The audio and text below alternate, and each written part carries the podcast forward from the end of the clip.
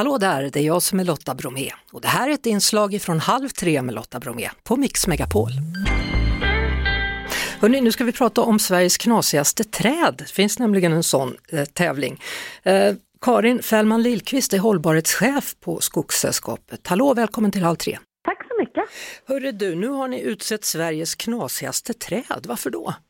Egentligen så är det, det här handlar det om att efter pandemin så såg vi att det var väldigt många människor som sökte sig till skogen, som, eller i naturen, som inte hade varit i naturen förut.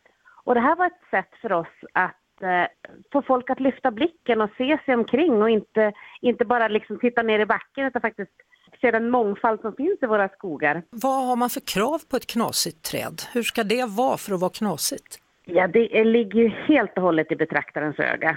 Jag brukar prata om att de har knasighetsvärden, men det är ju för oss människor som de har värden i att, de, att man, man skrattar lite åt dem. Det är det som är det är det som är det viktiga med ett knasigt träd, att vi ska tycka att de är roliga. Ja, jag kollade lite på bilderna där och det, det är ju en del som ser ut som en giraff utan huvud till exempel. Mm. Alternativt ja, lite av varje faktiskt, men är det så att tallar har lite mer benägenhet att se knasiga ut?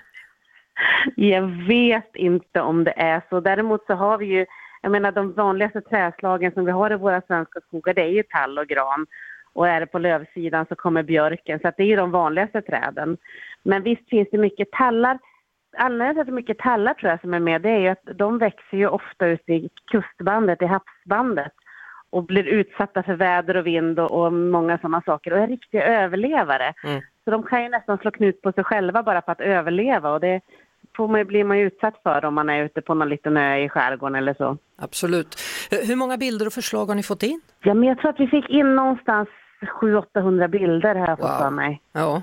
Mm. Och ni har utsett då i 23 av 25 landskap. Ångermanland och Härjedalen saknade bidrag. Är det för sent att skicka in för dem eller vad?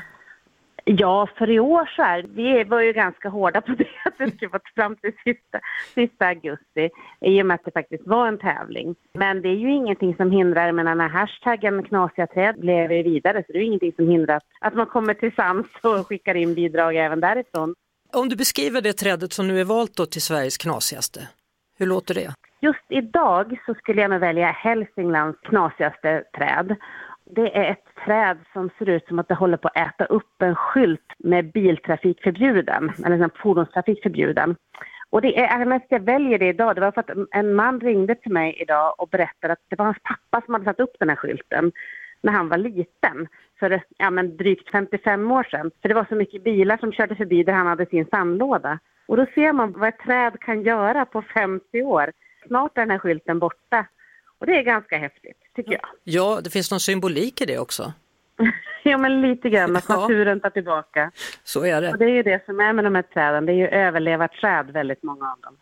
Karin Fällman Lillqvist, hållbarhetschef på Skogssällskapet. Stort tack för att du ville vara med i Halv tre. Mm, tack så mycket. Vi hörs såklart på Mix Megapol varje eftermiddag vid halv tre. Poddtips från Podplay. I podden Något Kaiko garanterar östgötarna Brutti och jag, Davva, dig en stor dos skratt. Där följer jag pladask för köttätandet igen. Man är lite som en jävla vampyr. Man har fått lite blodsmak och då måste man ha mer. Udda spaningar, fängslande anekdoter och en och annan arg rant. Jag måste ha mitt kaffe på morgonen för annars är jag ingen trevlig människa. Då är du ingen trevlig människa, punkt. Något kajko, hör du på podplay. Därför är gardinerna.